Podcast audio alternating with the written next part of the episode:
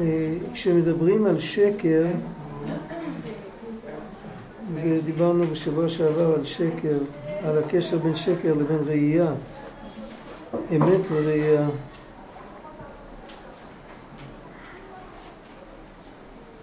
בפשטות, בשקר יש שתי בחינות. איזה תורה זה? נ"א.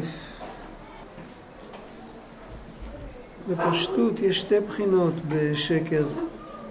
יש שקר, יש סוג של שקר שאנחנו לא רוצים לקבל את האמת, לא רוצים להכיר באמת. אנחנו משנים את ה...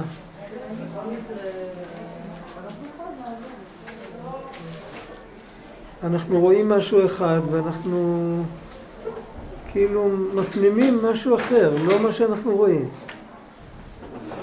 זה כאילו לסרב להכיר במה שרואים בעיניים. זה סוג של שקר. אחר כך, את זה אנחנו ממשיכים הלאה. אני רואה משהו, אני לא מקבל את זה, אני ממציא משהו הפוך. אחר כך אני מספר לכולם את, כבר את מה שהמצאתי, לא את מה שראיתי. זה אופן אחד. יש אופן אחר שהרבה יותר גרוע, מבחינה מסוימת הוא פחות גרוע, תכף נראה, זה שבן אדם אה, רואה את האמת נכוחה והוא לא מדחיק והוא לא... הוא מצלם את האמת כפי שהיא, אבל כדאי לו לדווח הפוך. זה מצד אחד זה נורא ואיום, כי הוא רשע. הוא, הוא יודע שזה לא אמיתי מה שהוא אומר, הוא לא מרמה את עצמו. הוא יודע ברור שמה שהוא אומר זה שקר, הוא משקר בלי להתבייש. זה גרוע. מצד שני, לצאת מזה יותר קל. כי אני יודע את האמת. אני רק צריך החלטה להפסיק לשקר. השקר הראשון הוא מסובך הרבה יותר. זה משהו תת-הכרתי, אני כבר לא מסוגל לראות את האמת בכלל. כאילו, אני רואה משהו אחד, אבל אני מזהה... עכשיו, כאן, בקטע שלמדנו, הוא מדבר על שניהם. הוא מדבר על... Uh, על דבר גדול מראה שהוא קטן ועל אחד שהוא שניים, זה השקר הזה שבן אדם מרמה את עצמו. כמו שאומרים, אה, זה שום דבר, לא נורא, זה יסתדר. יש דברים כאלה. או, או להפך, אה, שמסתכלים על, על זבוב ועושים ממנו פיל, מי יודע לאן זה יתפתח. רגע, מי אמר? מה, מה קרה? אתה לא ראית. יש נטייה, או שיש נטייה להרחיב, או שיש נטייה לבטל, לצמצם, לא משנה, אבל תמיד יש איזו נטייה. בן אדם ישר, הוא מקבל את המציאות כפי שהיא, הוא, לא, הוא על אחד, הוא אומר שזה אחד, על שניים הוא אומר שזה שניים. אחר כך בהמשך הקטע הוא מדבר על עוד נושא, המעבר ביניהם הוא חלק, הוא לא אומר יש בחינה א' ובחינה ב', כי זה צורת כתיבה כזאת. לפעמים הוא מחלק, ברוב הפעמים הוא עובר, הוא עובר בין הדברים והוא סומך על המעיין שיראה שהוא מדבר על יותר מדבר אחד. בסוף הקטע, אם תסתכלו, אז הוא כותב עכירת הדמים הוא על ידי שקר, כי אי אפשר לדבר שקר עד שיכר את דמיו. אם אתה מדבר שקרים, אז אתה גורם לפסולת במחזור הדם שלך. אתה נכנס לאיזה מתח שהגוף לא פורק החוצה את הפסולת. דיברנו על זה באריכות שבוע שעבר. וכאן הוא מדבר על לדבר שקר. כי באמת הקטע הזה של ה... בלי עין הרע, איזה אנרגיות.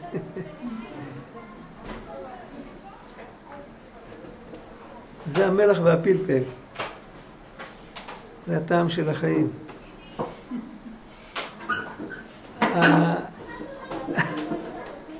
אם, אם מדבר על, כשהוא מדבר על זה, אז הוא מדבר על, הוא מדבר על שקר שהבן אדם יודע שהוא משקר ועל ידי זה הוא באמת עושה נזק לעצמו. זה לא אחד כזה שהוא עדיין לא חקר את המחשבות שלו והוא מרמה את עצמו והוא לא מדויק, איך שאנחנו קוראים לזה. זה לא, הוא לא מדבר על זה. הוא מדבר ממש, זה הוא דיבר קודם. הוא מדבר ממש על בן אדם שהוא שקרן. כפשוטו. בלי, בלי לעפעף, הוא משקר. ובן אדם שמשקר, אז הוא גורם לעצמו נזק. הוא, חוץ מזה שהוא מקלקל את העיניים, הוא מקלקל את כל, את כל, ה, את כל המערכות שאצלו, הוא מקלקל. ועל ידי זה הוא מקלקל את העיניים פעם נוספת. אה, הנקודה בבן אדם הזה שמשקר, הוא רוצה, כל בן אדם, גם בן אדם שחושב שזה ככה נכון, וגם בן אדם שיודע שהוא משקר, תמיד יש לשניהם יש אותה בעיה. במקום לשנות את עצמם, רוצים לשנות את המציאות. זה ברור? נגיד, אין לי כסף. מה, מה פירוש אין לי כסף? אין לי כסף, זאת אומרת שהקדוש ברוך הוא אה, בחר לי מסלול שאני אסתדר עם פחות כסף. איזה בית ספר הוא רוצה להעביר אותי, הוא יודע, אני לא יודע, אבל כנראה שאני תל... אני יכול להיות תלמיד טוב בבית ספר הזה שמלמד אנשים איך להסתדר עם פחות כסף. עכשיו, אם אני הולך לגנוב ולגזול או לעשות מניפולציות כדי לקבל יותר כסף, זאת אומרת שאני עוד פעם, אני מתנגד לאיך שהקדוש ברוך הוא רוצה להוליך אותי. ואז אני נכנס לתוך הסוגיה הזאת של אוהב כסף, לא יסבע כסף, מי שיש לו מנה רוצה 200. אני נכנס לפינה של אה, קיטורים. יודעים מה זה קיטורים? מקטרים, מקטירים, מקטירים קטורת כאילו. כל הזמן לא מספיק. מה שיש זה לא מספיק, תמיד רוצים עוד יותר ועוד יותר, הכל שלי. אם בן אדם יש לו סבלנות לפחות, אז הוא יודע שמתי שיגיע לו הוא יקבל, הוא לא צריך לקבל את הכל עכשיו. אבל אם אין לו סבלנות, אז פה זה מתחלק לשניים, יש אחד שמתחיל לרמות את עצמו שיש לו, ויש אחד שמרמה אחרים כדי שבאמת יהיה לו. אבל שניהם, שניהם כאחד לא טובים. ואז כל הדברים האלה מקלקלים בנפש. גם עצם האמונה בשקר, או אמירת שקר, אפילו כשלא מאמינים בו, וגם הרצון הלא פוסק לצבור כל הזמן יותר ויותר, מה שיש זה לא טוב, תמיד צריך אחרת, תמיד שיהיה אחרת. אה, הייתה פעם סופרת אמריקאית שכתבה על איזה גברת זקנה, ש... היא הייתה מסכנה, ענייה, והשכנים היו מביאים לה אוכל. אז כל פעם שהייתה מקבלת אוכל, אז היא הייתה אומרת, אה, או, תודה רבה, בעצם רציתי משהו אחר. עד שבסוף ילדה אחת מביאה לה, היא יודעת את כל מה שהיא אוהבת, מביאה לה סל, נותנת לה משהו אחד, שאומרת בעצם רציתי משהו אחר, היא מוציאה את המשהו האחר גם כן. ואז היא אומרת את השלישי, אז היא מוציאה גם את השלישי. ואז היא נשארת עם פה פתוח והיא ממש במבוכה. אין לה על מה להתלונן. לקחו לה את ה baby, ה baby שלה היה התלוננות. זאת אומרת, בן אדם כבר מתמכר ל, ל, לחיות בדמיונות, וודאי שזה מקלקל את הכל. זה היה קטע אחד שראינו. פעם אמרת לנו אמרת לפני הרבה זמן, לפני איזה שנתיים אולי, שלחץ זה לא מהקדושה. נכון. הרי אנחנו עכשיו יש אובססיביות, אובססיביות, אובססיביות. אז יש שם אחיזת השקר. אובססיביות זה שקר. לחץ זה אובססיביות? לא כל לחץ.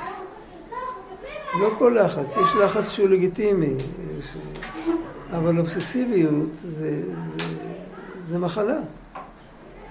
שנייה, הרב, והעם היהודי הוא לא אובססיבי על המשיח, והעם היהודי הוא לא... כש... כשעורף זה מציל אותנו. טוב, יכול להיות, אני לא יודע.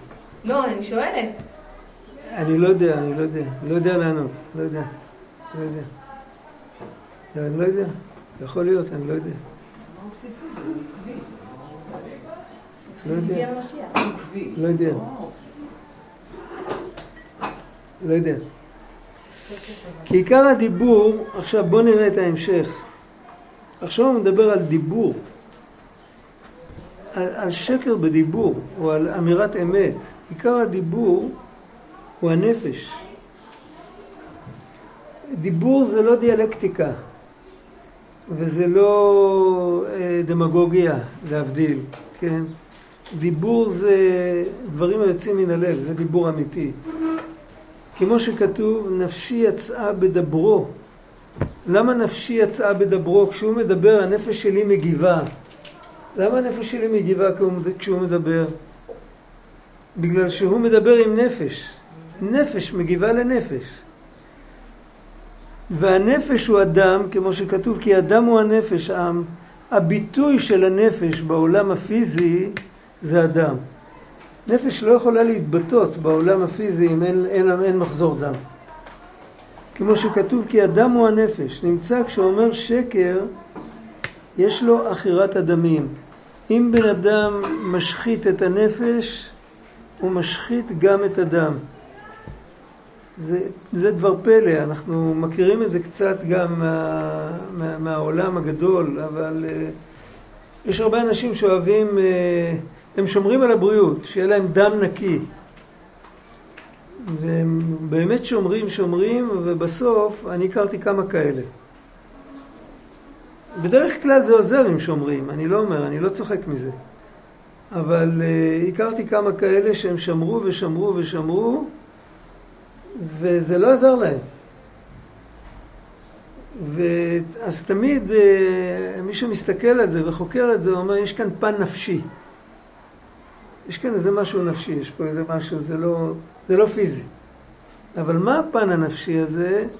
אז כאן הוא מספר לנו. אם בן אדם מקלקל את הנפש, היוונים היו אומרים נפש בריאה בגוף בריא. אבל אה, אם הנפש היא חולה, היא יכולה לעשות חולה את הגוף גם כן. ונמצא כשאומר שקר יש לו עכירת הדמים. ומזה באה מרה שחורה. הבן אדם שמחזור הדם שלו לא נקי, אז הוא... כשמסתובבים חומרים בדם שהם לא סימפטיים, אם וכאשר זה מגיע למוח, הבן אדם נכנס לדיכאון. זה חוק טבע.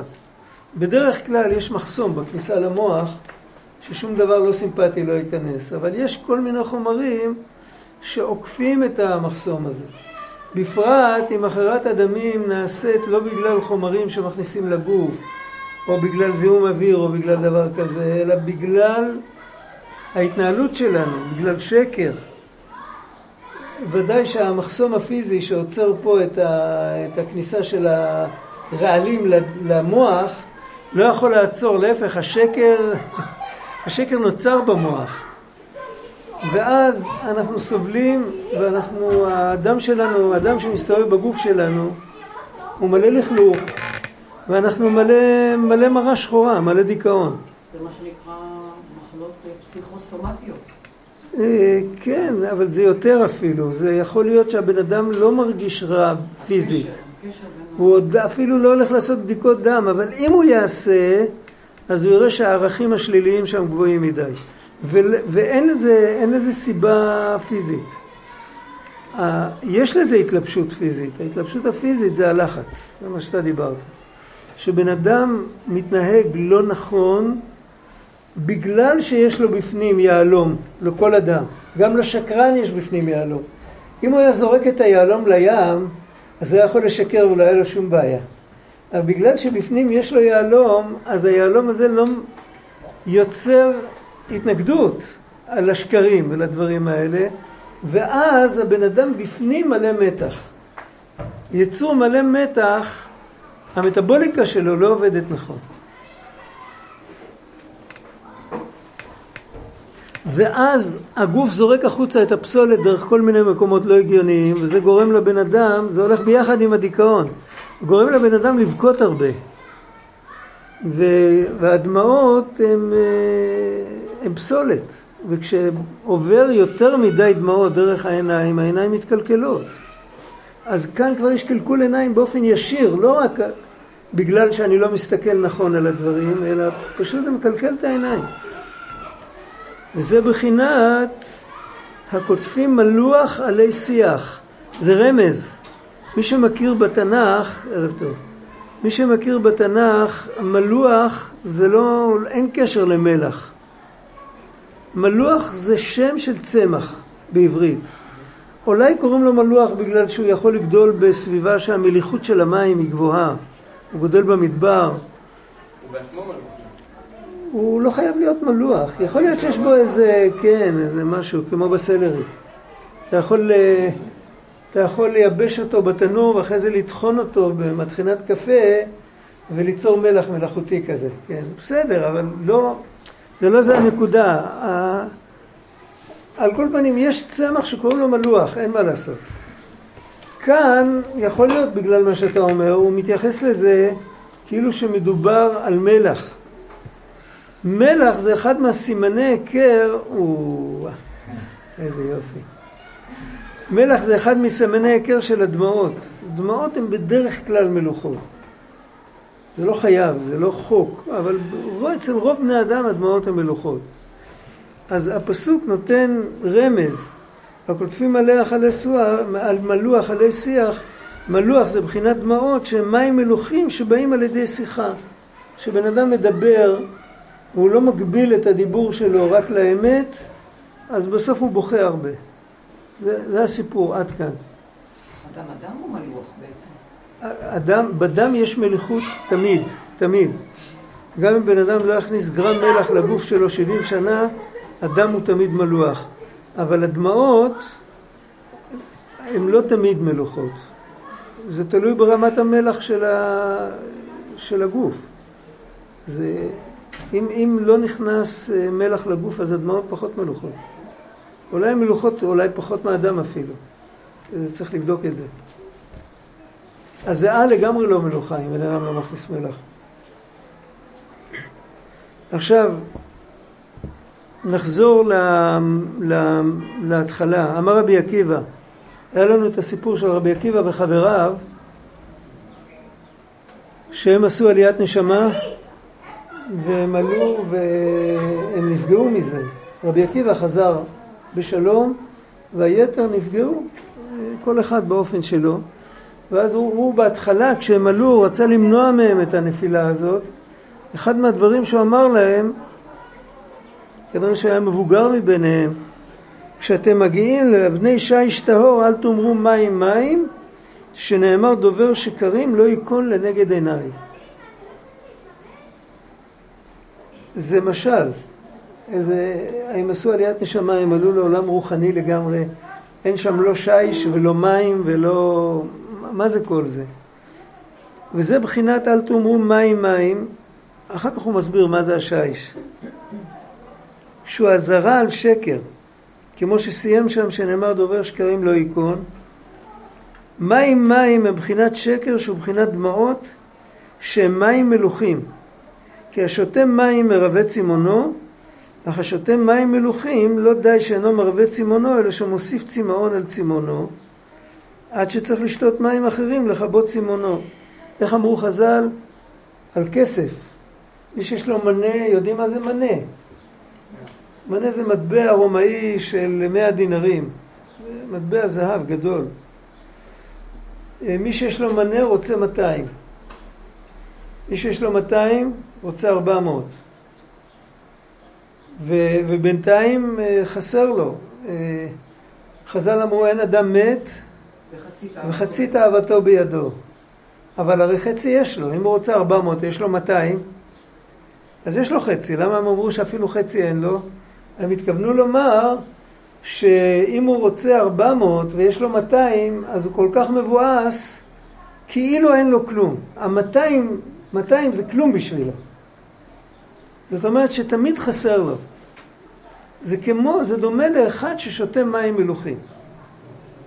במקום, זה, זה, זה מה שדיברנו פעם קודמת. יש לפעמים שבן אדם פותר בעיה, וכשהוא פותר את הבעיה שלו, אז מהפתרון נוצרים לו שלוש בעיות אחרות.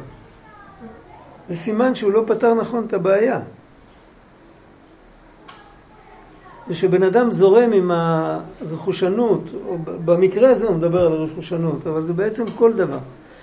אם בן אדם לא שמח בחלקו, הוא תמיד, איפה שהוא נמצא, הוא תמיד רוצה יותר, ותמיד מה שיש זה לא טוב, אז למעשה אין לו כלום. הוא, הוא מה שהוא מרוויח מכל הסוגיה הזאת, שקודם, לפני שהוא רצה יותר, היה לו לפחות משהו. כשהוא רוצה יותר, הוא מאבד גם את המשהו שהיה לו. בחז"ל יש משל בתלמוד, זה מופיע בארמית. החמור הלך לקבל קרניים, אז הורידו לו גם את האוזניים. זה, זה, מטאפורה כזאת. עד שצריך לשתות מים אחרים לכבות צימונו. ועל כן נקרא השקר מים מים. כשמדברים על מים, מים שגורמים צמאון, זה השקר. עכשיו, איפה יש את זה בשקר? השקר הוא פשוט. למה בן אדם משקר? הוא רוצה לצאת בסדר, נכון? כל השקרים שלנו ממתי שהיינו ילדים קטנים. רוצים לצאת בסדר עם האימא, עם הגננת, עם, ה, עם המורה בבית ספר. למה משקרים? מה קורה על ידי השקרים האלה? רק מסתבכים יותר. וכל פעם צריך להמציא שקר יותר גדול כדי לח... לשמור על השקר הקטן הזה. אם היו אומרים בהתחלה את האמת, היו יוצאים בזול. בסוף תופסים את השקר האחרון והוא כבר כזה גדול. זה, זה ממש עניין כזה של לשתות כוס מים מלוכים. אותו דבר, אתה כאילו רצית לפתור את הבעיה של הצמאון ועכשיו זה פי שתיים יותר גרוע. אה. אבל יש, יש עניין גם בדמעות ששערי דמעות לא מנהלו. אז זה דמעות אחרות, אוקיי. אז בוא, בוא, רגע, עוד מעט, עוד מעט, עוד שנייה.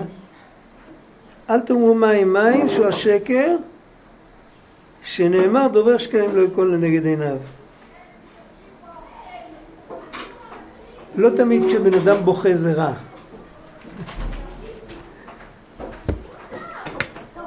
כן, את מבינה מה שאני אומר? לא תמיד כשבן אדם בוכה זה רע.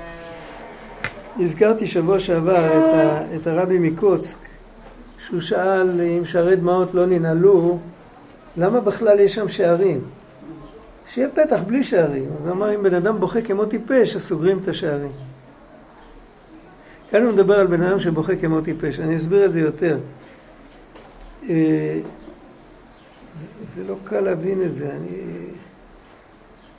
אנחנו מאמינים שהשם מנהיג את העולם. ואנחנו גם מאמינים שהוא מנהיג את העולם באופן טוב. זה ניסיון קשה להאמין בזה. להאמין שהוא המלך והוא המנהיג זה קל, להאמין שהוא טוב זה לא כל כך קל, לא קל. אבל אנחנו מאמינים. והוא עושה תמיד את הכי טוב. מצד שני, אנחנו גם מאמינים בכוח של התפילה ובכוח של הדמעות, כמו שהזכרת. יש לנו מצווה שאם חסר לנו משהו, אנחנו מתפללים שנקבל את זה. ודבר נוסף, אה, אנחנו גם מאמינים בבחירה שלנו בהשתדלות.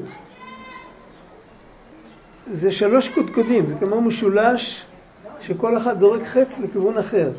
יש חץ של ההשתדלות, שם אנחנו צריכים להיות דומיננטיים, לעשות משהו, אחרת לא יהיה לנו.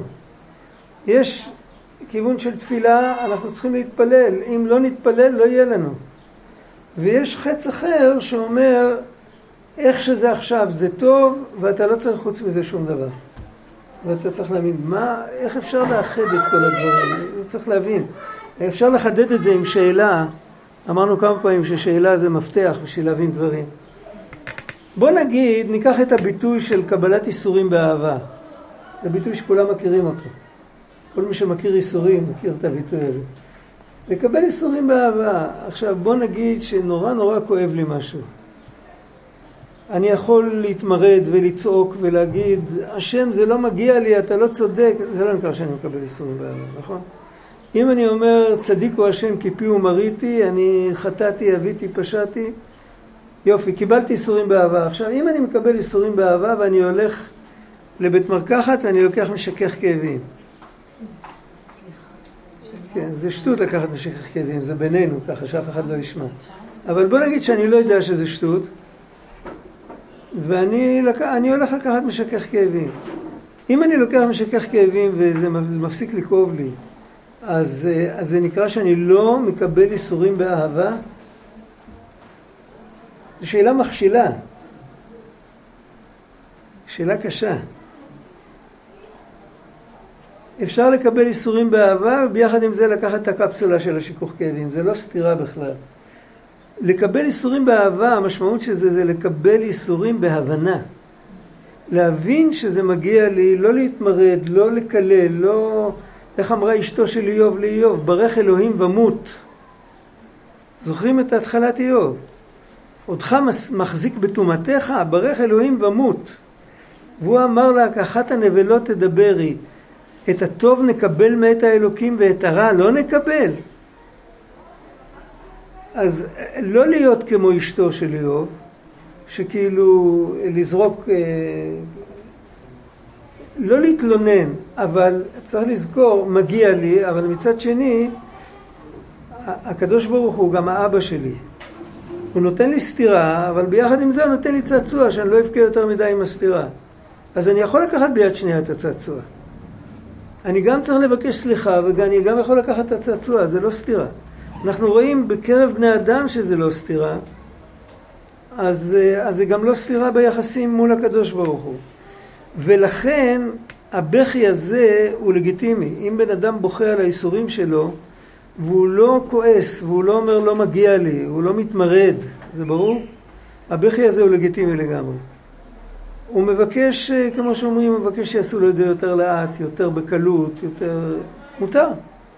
ואדרבה, אם הוא, אם, אם הוא מעורר את הלב שלו עד שהוא בוכה, אז באמת מתקבל התפילה שלו, אם זה באמת אכפת לו. לא אחד שבוכה בצורה מלאכותית. אבל לעומת זאת, אם בן אדם, הבכי שהוא מדבר כאן, זה בכי של טיפש, בכי של טיפש, אני לא יודע אם הוא יודע שהוא טיפש, אבל הוא בכי של... אה, אה, איך קוראים לזה? טרוניה, התלוננות, כמו מתלוננים במדבר, כל ה... ויכול להיות עוד, יש עוד ביטויים לזה, אני לא זוכר כרגע. הביט... הסלנג של הלקטר זה הכי מתאים. אתם יודעים מאיפה זה בא? מאיפה באה המילה לקטר? ביידיש, ביידיש, החתולים, החתולים הזכרים שמקטרים בעונה של ההתייחמות, שהם אה, מייללים נורא עם קולות כאלה, אז לחתול הזה ביידיש קוראים קוטר. עכשיו, מהעלייה השנייה הרי כולם דיברו יידיש, אז אחד שהתחיל לילל יותר מדי, אז הדביקו לו את השם קוטר, וזה נשאר עד היום בעברית שלנו. ו... כאילו מה, כאילו לא טוב לו, רע לו, מיילל. זה, זה לא שהרי דמעות לא ננעלו, זה סיפור אחר לגמרי. מעלה קיטור. כן, זה בן אדם שתמיד רע לו. והרווח היחיד שהוא עושה זה שהוא מזיק לעצמו, הוא לא מזיק לאף אחד.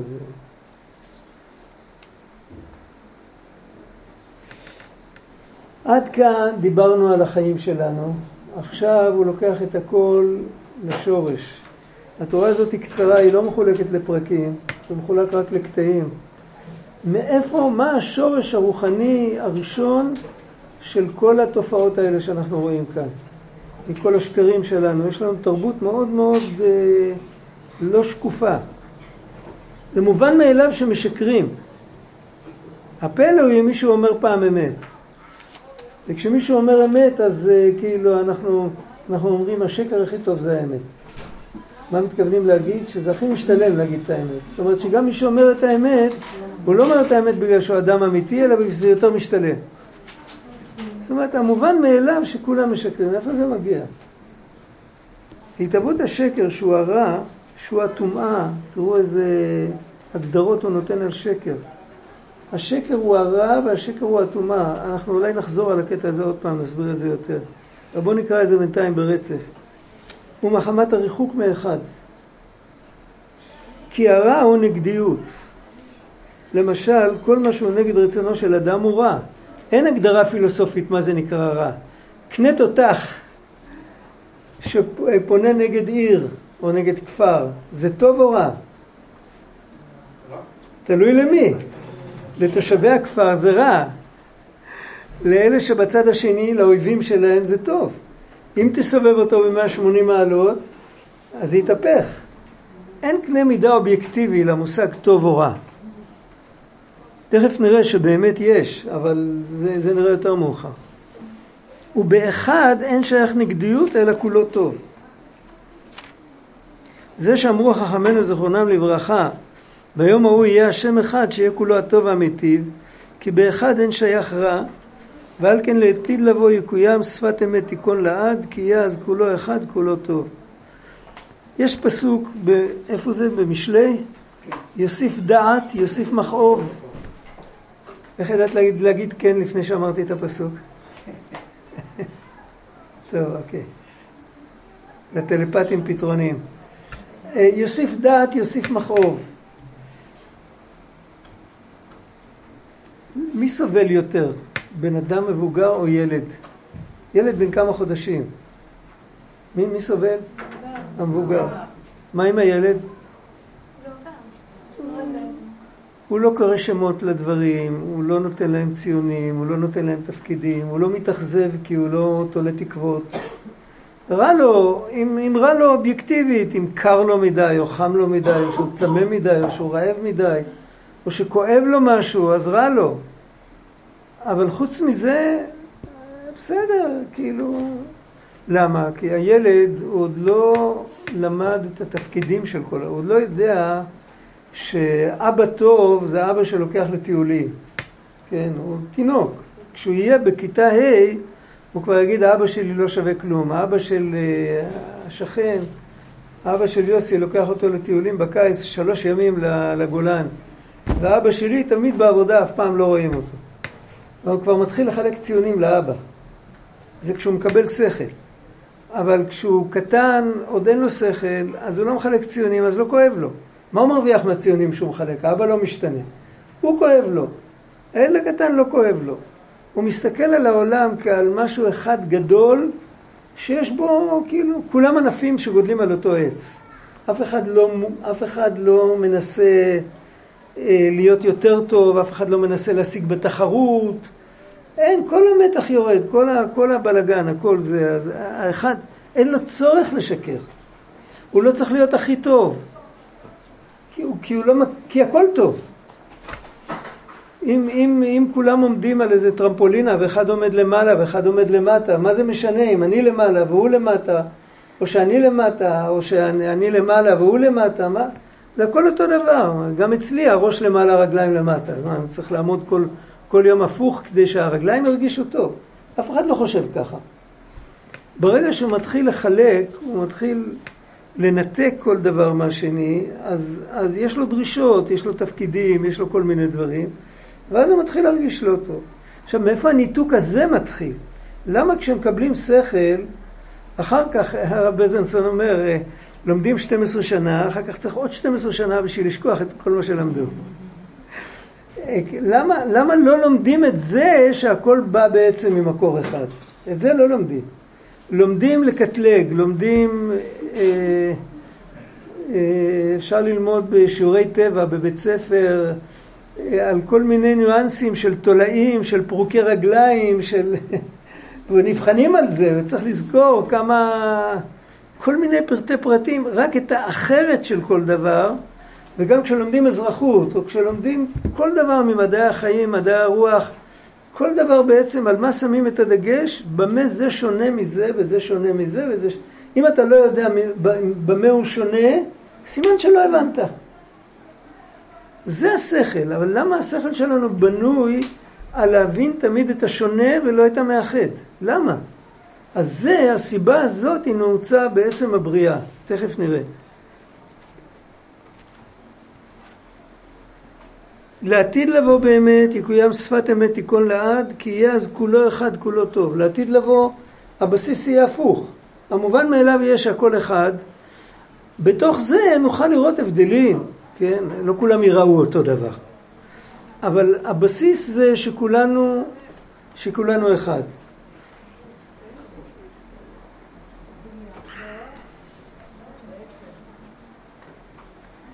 טוב. כי אמת הוא אחד. למשל, על כלי כסף, כשאומרים עליו שהוא כלי כסף הוא האמת. אבל כשאומרים עליו שהוא כלי זהב הוא שקר. נמצא שהאמת הוא אחד, כי אי אפשר לומר אמת רק שהוא כלי כסף ולא יותר. אבל השקר הוא הרבה, כי אפשר לומר שהוא כלי זהב, הוא כלי נחושת, הוא שאר שמות. אתה יכול להגיד מה שאתה רוצה. שקרים בלי סוף. אמת יש רק אחת. נמצא שהשקר הוא בבחינת ביקשו חשבונות רבים. ובשביל זה, מכירים את הפסוק בקהלת? האלוקים עשה את האדם ישר, כתוב בלשון יחיד, אלוקים בנה אדם אחד, ברא אדם אחד ישר, ישר. ברגע שהם נהיו שניים, באיזה רגע הם נהיו שניים? כשחווה נבראה. מה קרה לפני שחווה נבראה? הוא נרדם הבן אדם. הוא נרדם. מה היה קורה אם זה היה קורה בלי תרדמה? אז הם, הם היו, כן, הם היו מתחלקים, אבל הם לא היו, לא היו נכנסים לסוגיה של שתיים. הם היו נשארים אחד. זה כמו שאפשר להסתכל בעיניים של מישהו אחר, אפשר לראות שם שונות, אפשר לראות זהות. זה תלוי, זה לא תלוי במי אתה מסתכל, אלא זה תלוי מי אתה. אם אתה, אם המבט שלך מחובר לנקודה מאוד עמוקה, בפנים, אז אתה יכול לראות אה, בכל אחד דבר שמדבר אליך. ואם לא, אז אתה, אז אתה יכול לראות שם, אה, באמת רואים, הרבה פעמים רואים, מסתכלים על בן אדם, רואים ערמומיות, רואים שקר, רואים אה, כל מיני דברים, זה לא סימפטיה. רואים חוסר אכפתיות, רואים נוקשות, רואים... אה, ולפעמים רואים חביבות, מסתכלים בעיניים למישהו, רואים כל מיני דברים. לא תמיד רואים את אותו דבר. אבל אם בן אדם יש לו עיניים, אה, לא יודע, כמו רב אריה לוין, בן אדם שיש לו עיניים גבוהות יותר, אז הוא יכול לראות את הטוב בכל אחד. אז זה לא המדרגה שלנו. ואז האלוקים ברא את האדם ישר, אבל והמה, אחרי זה שהייתה צריכה להיברך חווה, ובגלל, אנחנו לא יודעים למה, אבל בפשטות אה, ניתוח עושים בהרדמה, כן? אבל זה לא זה הנקודה. היה איזה ניסיון שרצו להעמיד אותו בניסיון לראות איך הוא פועל בתרדמה, הרי לא כתוב שהוא התעורר. שמתם לב לפסוקים? לא כתוב שם שהוא התעורר. עד הרגע הזה? כנראה שהוא עדיין, עדיין לא התעורר. הוא מתעורר אז, ביום ההוא יהיה השם אחד ושמו אחד, אז הוא מתעורר. בינתיים לא כתוב באף מקום שהוא התעורר.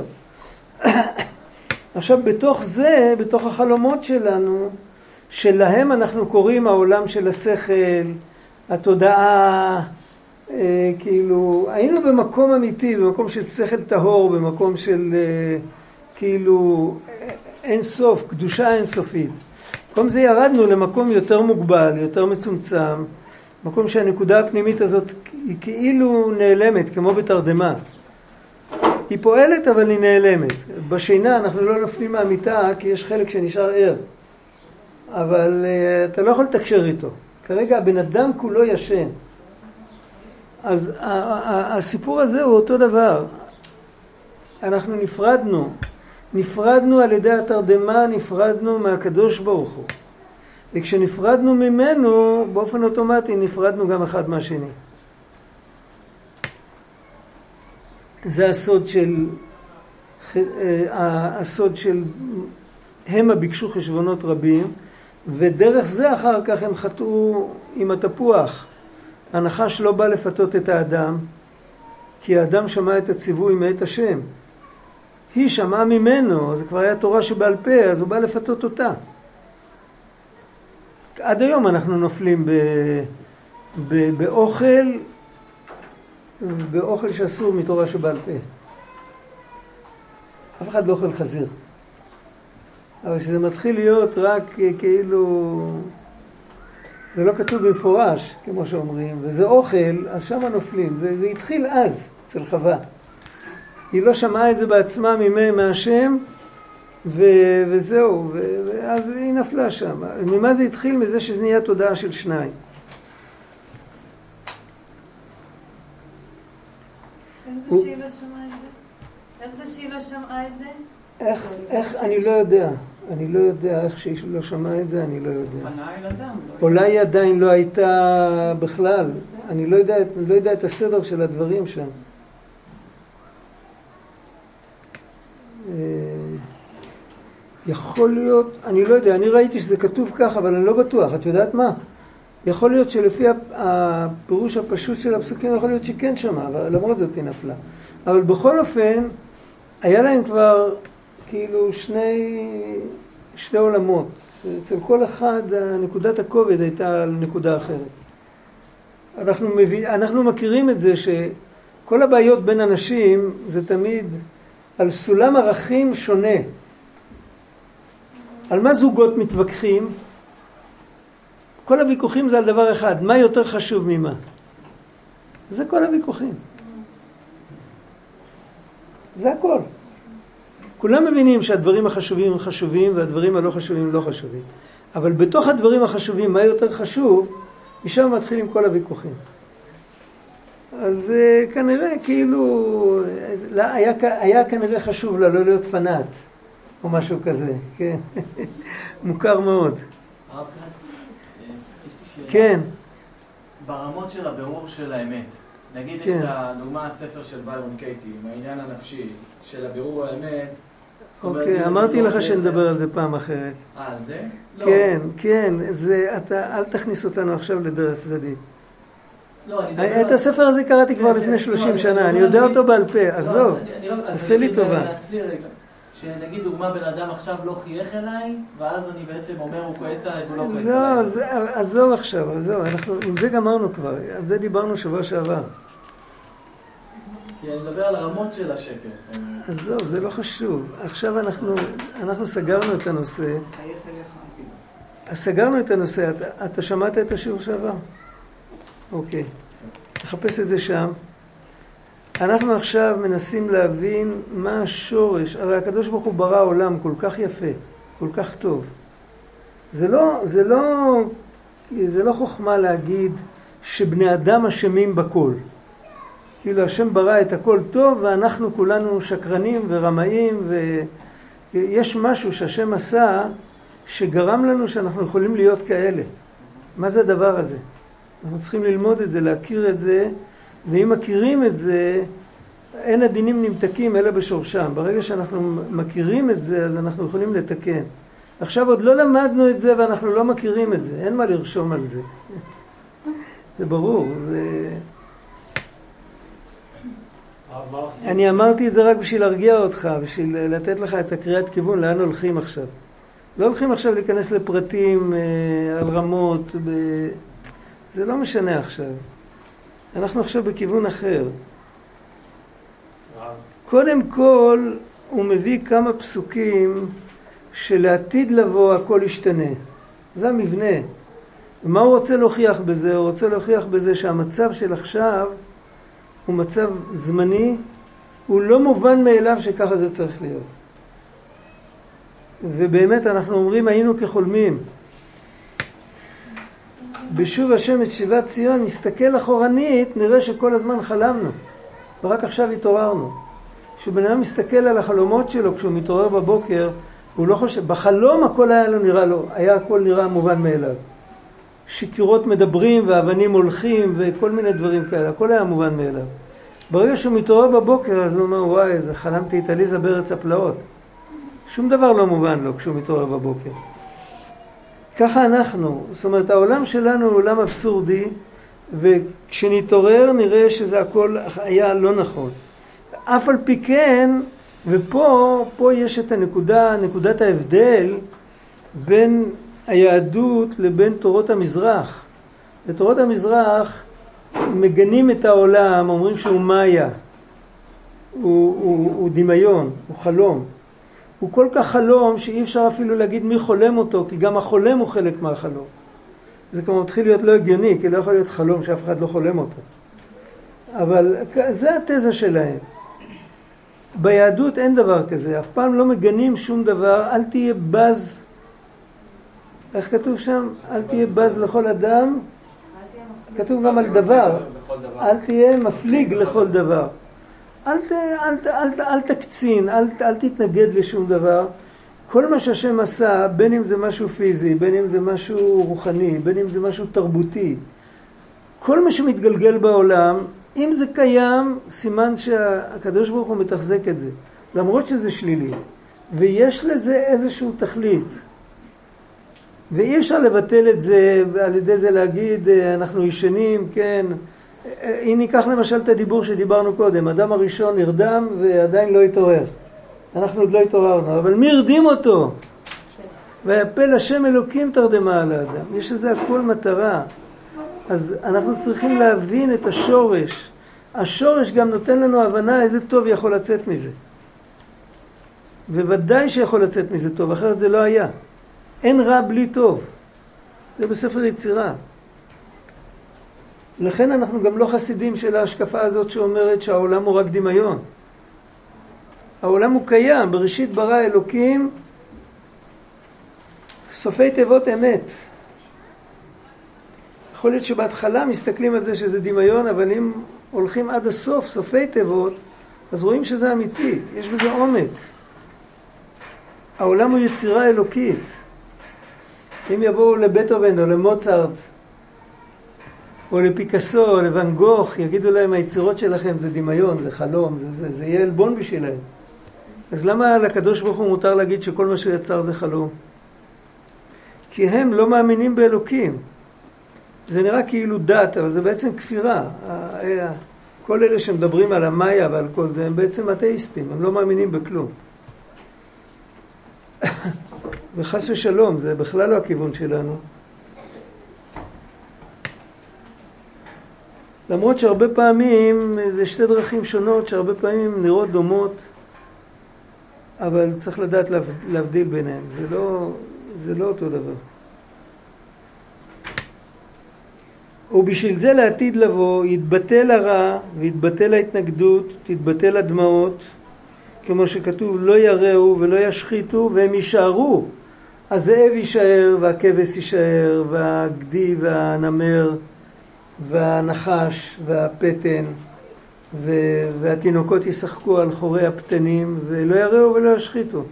זאת אומרת, זה שהנחש מזיק זה לא מחויב המציאות. וזה שהשקרן משקר זה גם לא מחויב המציאות. וכתיב וגר זאב עם כבש ונמר עם גדי, היינו בבחינת ביטול ההתנגדות. לא יהיה רע, לא יהיה התנגדות, וכתיב ומחה השם אלוקים דמעה מעל כל פנים.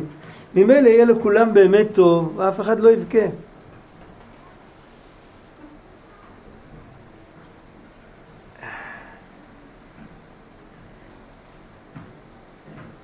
היינו ביטול הדמעות שמבחינת שקר כנ"ל, כי אז יהיה השם אחד ושמו אחד, שהוא כולו טוב, כולו אמת כנ"ל. ועל כן לעתיד לבוא יתבטל הטומאה, כמו שכתוב, את רוח הטומאה אוויר מן הארץ. לא כתוב שלעתיד לבוא כל הדברים שאנחנו מציינים אותם עכשיו כטמאים לא יהיו. זה לא כתוב. את רוח הטומאה השם יעביר מהארץ. מה יהיה עם כל הדברים האלה שאנחנו קוראים להם עכשיו טמאים? הם לא יהיו טמאים. כי גם עכשיו בפנימיות שלהם, תכף הוא יסביר יותר מה זה טומאה ומה זה טהרה, נבין את זה יותר טוב. בעצם הכל טוב, רק זה כמו, אפשר לתת איזה משל בגשמיות. אה,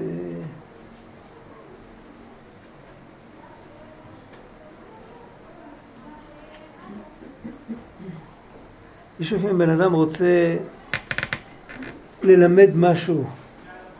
שני חברים, אחד עושה איזה, אחד עושה איזה טעות. והוא חוזר על הטעות כל פעם, הוא, הוא לא יודע לקנות אבטיחים.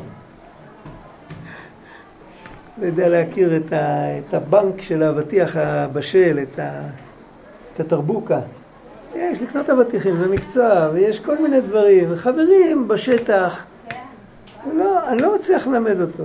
עכשיו, אני עכשיו הטמבל שלא יודע לבחור אבטיחים, הלכתי לבסטה, בחרתי חצי שעה, באתי עם אבטיח הכי טוב שאני יכול, ואז אני חוזר למאהל, ואז החבר אומר לי, הוא לוקח את האבטיח ביד, הוא אומר לי, תשמע, אולי נלך פעם ביחד, אני רוצה ללמד אותך לבחור אבטיחים.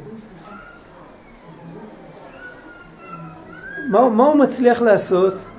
הוא דורך לי על היבלת, בדיוק על הנקודה הרגישה, בדיוק במקום שאני רוצה להיות הכי טוב בעולם, שם, והוא, והוא כל כולו טוב, הוא רוצה ללמד אותי, הוא בכלל לא מודע לזה שהוא דורך לי על יבלת.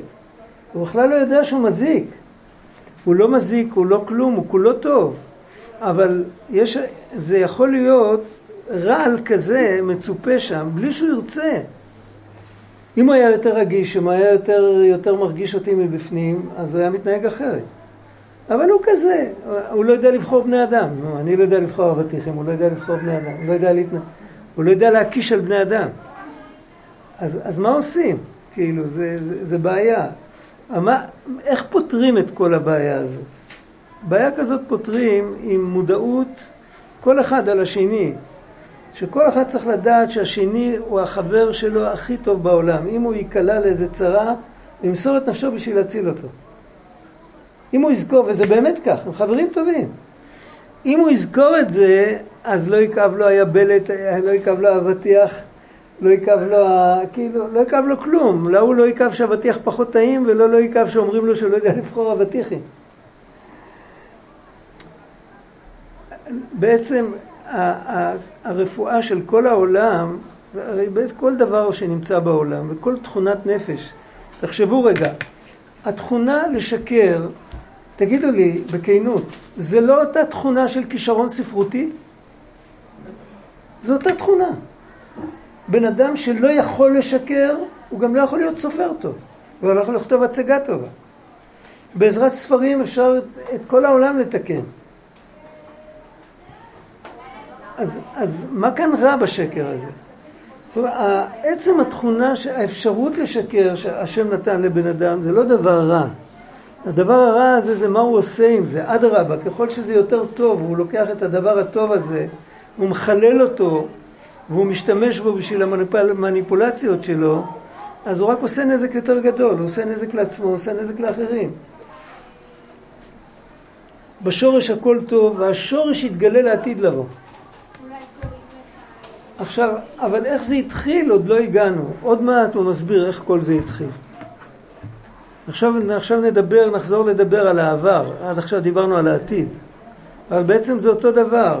זה, צריך להסתכל על זה כמו שעוברים דרך מנהרה. כשעוברים דרך מנהרה, אז לפני זה ראו נוף יפה, בקצה המנהרה רואים אור וגם יראו נוף יפה, בינתיים עוברים בחושך, זה משעמם וזה נורא ואיום. ואין שם אוויר נקי וכל זה, אבל אין מה לעשות. לפעמים צריך לעבור דרך המנהרה. אבל למה בכלל עשו פה מנהרה? למה שלא יעבירו אותנו כל הזמן למעלה? אז זה נראה בהמשך. הרב גד, איך, איך, זאת אומרת, לגבי השאלה מקודם, אני כן רוצה לחדד אותה, כי זה כן חשוב. השאלה שלי הייתה, איך מבררים את האמת שהיא לא ברורה לך? זאת אומרת, הרבה פעמים יש, יש לנו שקרים שבמחשבות שלנו, שאנחנו לא יודעים לזהות אותם בדיוק. לא זו שאלה טובה. זו שאלה טובה. זו שאלה טובה. קודם כל, בשביל זה חז"ל אמרו, עשה לך חבר. חבר יכול לראות דבר כזה יותר טוב מאשר בן אדם בעצמו, בתנאי שלא עושים שירקס. אתה יודע מה זה שירקס? שמור לי ואשמור לך. כאילו, אני אגיד לך שכל מה שאתה חושב זה אמת, ובתמורה אתה תגיד לי אחר כך שכל מה שאני חושב זה אמת. אז עם חברים כאלה אסור להתחבר. זה צריך להיות חבר אמיתי, בשביל זה אמרו, בשביל זה צריך שיחת חברים. חבר יכול אה, לשאול אותך את השאלות האמיתיות, ובעזרת חבר אפשר אחר כך לשאול את עצמנו את השאלות האמיתיות. אבל זה מתחיל עם חברים. עכשיו בן אדם שבאמת אין לו חברים, אז uh, גדולי ישראל אמרו, הוא קנה לך חבר וקנה לך חבר. בזמן הקדום היו כותבים עם קנה. היו כותבים קנה ועושים ממנו עט. היו טובלים, היו עושים לו צורה כזאת, אז טובלים אותו בדיו. קנה לך חבר. כשתתחבר לעט, כשבן אדם חושב וקורא את מה שהוא, הוא, הוא כותב את מה שהוא חושב, ואחר כך הוא קורא את מה שהוא חשב, אז בגלל שהוא, זה, זה אותו דבר כמו שהוא בודק מחברת של תלמיד. הוא יכול עכשיו להתייחס יותר אובייקטיבי למחשבות שלו, ואז זה יכול לתפוס את השקר. אבל זה לא תמיד, לפעמים ממשיכים לשקר גם עם החבר וגם עם הכתיבה. וגם... אז בשביל זה צריך להתפלל להשם, שיפתח את העיניים. דרך שקר הסר ממני ותורתך חנני. אה. אמרת שהרפואה קודם התחלת המשפט הרפואה של כל תכונת נפש, ואז נתת את הדוגמה למי שמספר סיפורים לעומת זה שמשקר. אז מה, מה הרפואה בדיוק? זה לקחת את, אותה, את אותו כוח לכיוון. זה מתחלק לשניים, יש את הרפואה של העולם ויש את הרפואה של האדם. הרפואה של האדם זה בבחירה שלו. אם הוא קיבל אה, כישרון לפנטז, אז הוא צריך להשתמש בזה לטוב, לא לשקר אנשים, לא לתחמן אנשים. זה ברור לגמרי. הרפואה של העולם היא לא בידיים שלנו. אומרים שאם כל אחד מטאטא ליד הבית אז כל העיר נקייה, אבל זה לא לגמרי בידיים שלנו. אז על זה כל התפילות, שכל אה, התפילות האלה, צמח דוד עבדך מערת תצמיח, אה, תחזינה עינינו ושובך לציון ברחמים. על זה אנחנו מתפללים, ש... שהאמת תתגלה. אבל עוד לא הגענו לשורש, עוד לא הגענו, להתחלה, לרגע הראשון, איך כל זה מתחיל לקרוא. את רוח הטומאה אוויר מן הארץ, כי אז יהיה, הוא עדיין מדבר על העתיד, כולו אחד, כמו שכתוב מי ייתן טהור מטמא לא אחד, פירוש שעיקר אחיזת הטהרה והטומאה הוא מבחינת ההתרחקות מאחד. אז צריך להבין עכשיו את כל הנושא של אחד. פה אנחנו מתחילים, אנחנו מתחילים עכשיו מאחד. חוזרים למספר אחד. עד עכשיו מה שהיה, זה היה הכל בדרך. עכשיו מתחילים מאפס. יש לפעמים שגם בתורות וגם בסיפורים, בסיפורי מעשיות, שהסיפור לא מתחיל מנקודת האפס הכרונולוגית. למשל בסיפור של הבעל תפילה, הסיפור מתחיל, באמצע הסיפור מתחיל ה... הסיפור מתחיל מהאמצע, כאילו, פעם היה בעל תפילה, מאיפה הוא? מאיפה הוא צמח? מאיפה זה? כל, כל המערכת שבתוכה הבעל תפילה היה חלק, רק באמצע הסיפור מתחילים לספר את זה. פה, בעצם פה הייתה, הייתה, הייתה צריכה להתחיל התורה, רק הדרך של רבנו היה תמיד, אה, הוא התחיל תמיד את כל התורות שהוא דיבר, וגם גם פשוט מבחינה חברתית, שהוא דיבר עם אנשים והוא לימד איתם, תמיד היה סטארטר, לכל תורה שהוא אמר תמיד היה איזה דבר גורם. מישהו אמר מילה, בעקבות זה הוא ענה לו מונולוג ארוך שזה בסוף נרשם כאן כתורה. אז, והדיבורים שאנשים דיברו הם היו דיבורים מהעולם, מה, מאיתנו. אז אחד דיבר על שקר, אחד דיבר על זה, אז, אז תמיד התורות מתחילים מהאמצע, מאמצע הסיפור. כמעט אין הרבה תורות שמתחילות מ... כמו ש... איזה יופי. כמו העץ חיים של רבי חיים ויטל, אה, שמתחילים, מתחילים, בתחילת הכל היה אור אינסוף מלא את כל המציאות, ואחר כך הקדוש ברוך הוא עשה צמצום. זו התחלה פילוסופית כזאת. אצל רבנו שום דבר לא מתחיל שם, אצל רבנו מתחיל כל דבר במכולת, על המדרכה, באוטובוס, אה, כן, במקומות כאלה. משם הוא, הוא נכנס עד שבסוף אין ברירה, צריך להסביר מאיפה זה מתחיל הכל. ופה פה, פה, פה, הוא נוגע בנקודה הזאת. זה דרך של הרצאת דברים כדי לתת לכל אחד, אה, לא כאילו, אה, שבן אדם אה, מגיע ל... למקום שמדברים על דברים גבוהים מיד בהתחלה, הרבה פעמים הוא ככה, הוא יוצא החוצה, הוא אומר, פה זה, זה לא בשבילי. אז, אה, אז הוא לא נשאר, הוא לא שומע, ובסוף הוא לא יכול לפתור את הבעיות שלו. עכשיו הוא ניגש לזה, כי קודם הבריאה, כשהייתה הבריאה בכוח, כביכול, קודם שהוציא אל הפועל, עבר הזמן. לא אמרנו לך. גם אנחנו קצת שקרנים. כן. אפשר להמשיך עוד שתי דקות, זה לא נורא. קודם שהוציא אל הפועל היה כולו אחד וכולו אמת וכולו טוב וכולו קודש.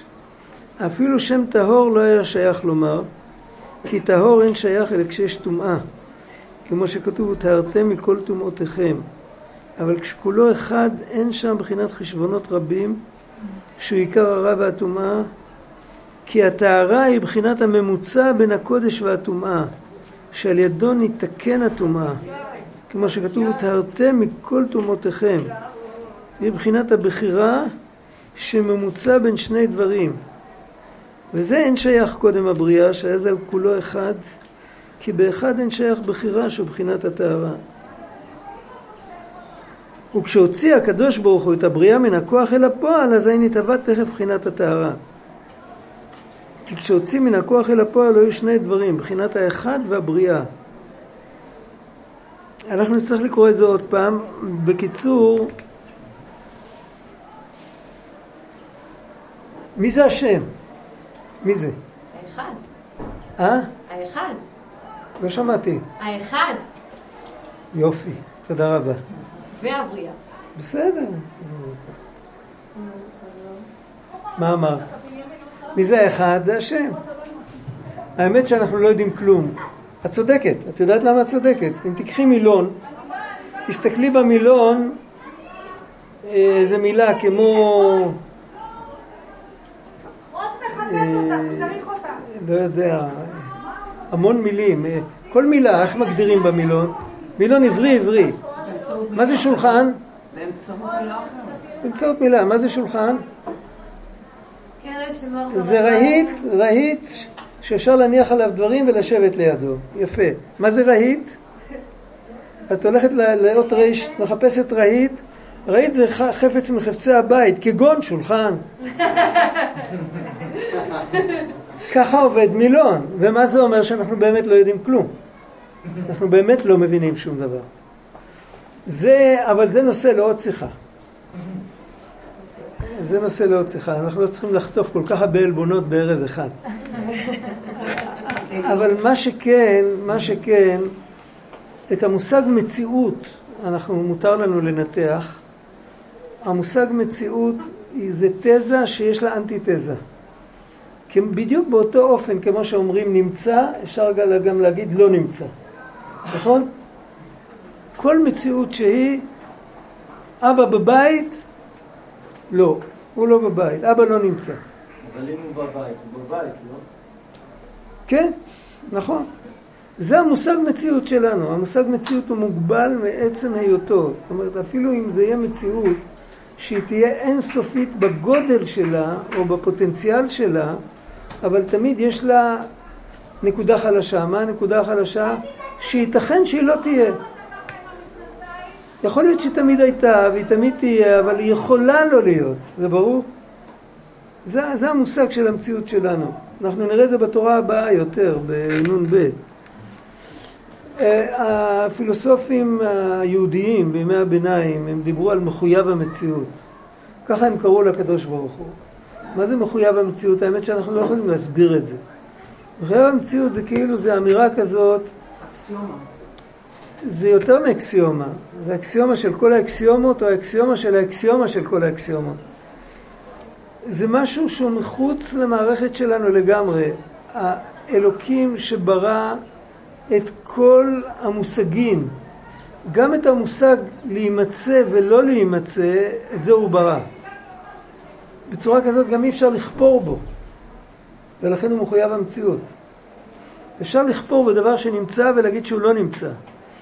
אבל מי שהמציא את המושג כפירה, המושג הזה קיים, המושג לכפור קיים, המושג להטיל ספק קיים, את המושגים האלה יצר האלוקים. זה ברור? כי המושגים האלה לא נמצאים סתם ככה, הם לא נוצרו מעצמם. בדיוק כמו שאבן לא נוצרת מעצמה, גם מושג לא נוצר מעצמו. כל הערכים שלנו, ולא רק כל הערכים, אלא גם הערכיות עצמה, הערכיות, הקטלוג, הלהגיד על משהו שהוא אמת או שקר או, או, או, או יותר משמעותי או פחות משמעותי, כל הדברים האלה, ההתחלה של הכל זה באלוקים. עכשיו, הוא כל כך מחוץ למערכת שלנו שאין לנו שום דרך להבין אותו. אם מסתכלים דרך העיניים של האלוקים, אז גם אחרי שהוא ברא את העולם, הכל מתרחש בתוכו.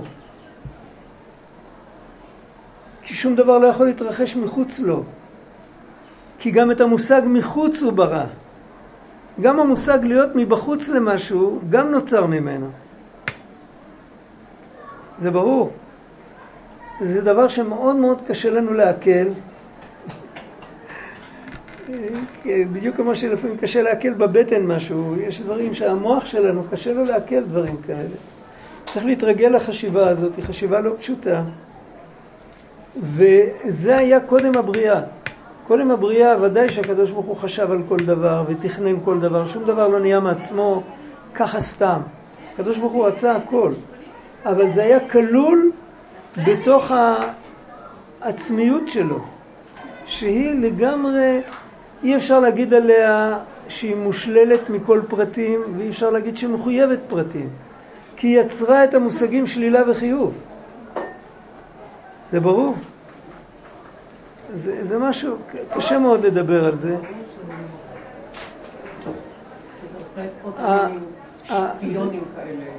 זה, זה, זה סיסמאות, ככה זה נראה, אני יודע. איך, זה, איך שזה מופיע בספרי קודש יהודיים, כתוב שהשם יתברך הוא שלילת החיוב ושלילת השלילה, שלילת הגבול ושלילת הבלי גבול. כל מה שאומרים עליו, אם זה אמירה, זה לא מתאר אותו. כל האמירות האלה נובעות ממנו, אבל הן לא יכולות לתאר אותו. זה ברור. עכשיו, מה כן דומה לזה בחיים שלנו? יש שני דברים שדומים לזה. דבר אחד זה העיניים שלנו. אנחנו רואים עם העיניים את הכל, העיניים שלנו זה רואה ואינו נראה. אנחנו לא רואים את העיניים שלנו. אני יכול לראות את העיניים שלך, את יכולה לראות את העיניים שלי, אבל אנחנו את העיניים של עצמנו לא רואים. כשמסתכלים בראי לא רואים את העיניים, רואים השתקפות. את הקדוש ברוך הוא אנחנו לא משיגים כי הוא המשיג. הכל מתרחש בתוכו. כדי להשיג משהו אנחנו קודם כל צריכים להיות נפרדים. ואז אנחנו רוצים להשיג, אנחנו לא יכולים להשיג את עובדת היותנו בלתי נפרדים, כי אז לא יהיה את מה להשיג. אז זה הנקודה, וזה היה קודם הבריאה. עכשיו, קודם הבריאה זה, זה היה מובן, כי לא היה עולם. אבל מה יהיה לעתיד לבוא? לעתיד לבוא זאת תהיה המודעות, למרות שהכל יישאר בדיוק כמו עכשיו. לעתיד לבוא נשים זרע של מלפון באדמה, וזה יגדל, ואם התאריך נביטה של הזרע עבר, אז הנמלים יאכלו אותו והוא לא יגדל. בדיוק כמו עכשיו, עולם כמנהגו נוהג, המודעות שלנו תשתנה לחלוטין. אנחנו נרגיש איך שהכל מתרחש בתוכו. ואז בתוך עולם כזה, אנחנו לא נקרא לו דמיון, כי לא יהיה לנו דמיונות, אנחנו נדע את האמת.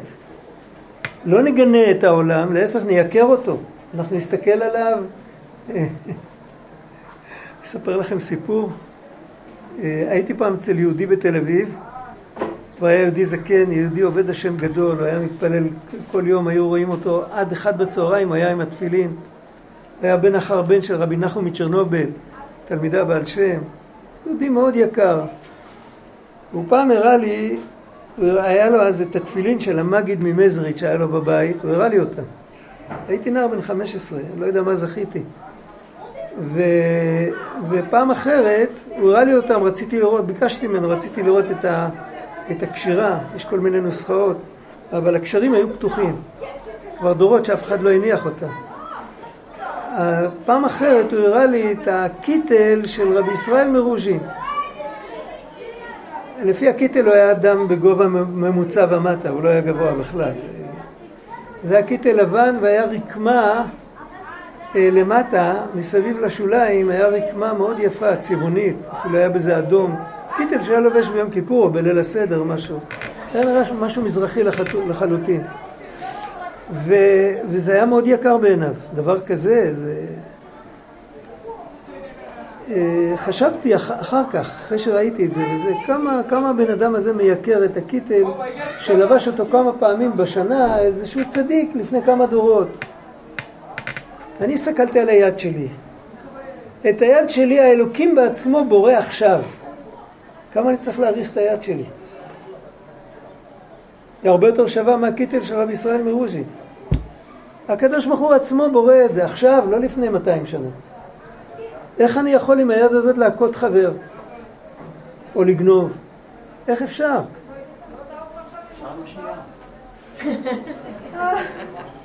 כן. זאת אומרת, במילים אחרות, עכשיו אצלנו, עכשיו אצלנו אנחנו צריכים לעשות כל שכן וקל וחומר, ואחרי ככלות הכל, זה עדיין לא מפריע לנו להתבדח ולהרגיש טוב. אבל לעתיד לבוא זה יהיה כל כך פשוט שכל המציאות היא אלוקית, שבכלל לא, שאומרים שלא יהיה רע ולא לא יהיה רע, לא יהיה תחרות, לא יהיה שנאה ולא יהיה קנאה, אומרים את זה בגלל שהמודעות שלנו היא למטה, אבל אם רגע אחד היינו מרגישים מה יקרה אז, לא היה צריך לדבר על זה. זה היה מצחיק לדבר על זה. זה המושג של האמת. עכשיו, מאיפה אנחנו מגיעים למושג של השקר? משהו אחד, איזשהו רכיב בתוך המודעות הזאת נעלם בדרך. זה הצמצום הראשון, ועל זה צריך לדבר פעם אחרת. אוקיי, לילה טוב לכולם. הטמא והטהור. אנחנו נחזור לכל הקטע הזה. מה? צריך להיות טמא כדי להיות טהור? זה מחויב של... צריך להיות קודם טמא כדי להיטהר? לא, לא, חייב, לא חייב תמיד להיות קודם טמא כדי להיטהר, אבל יש דברים שאם הם לא עוברים את המסלול הזה, אז זה מאוד קשה להם. אנחנו נראה את זה. אה, מישהו נוסע למרכזי? עם מי אני נוסע יואב? איתך? לא. עייף- עייפתי אתכם היום. אני מאוד. מתנצל, אני מתנצל. זה חומר קשה, אין מה לעשות. גם שימחת. ברוך השם. אבל מה עושים שהמחלוקת...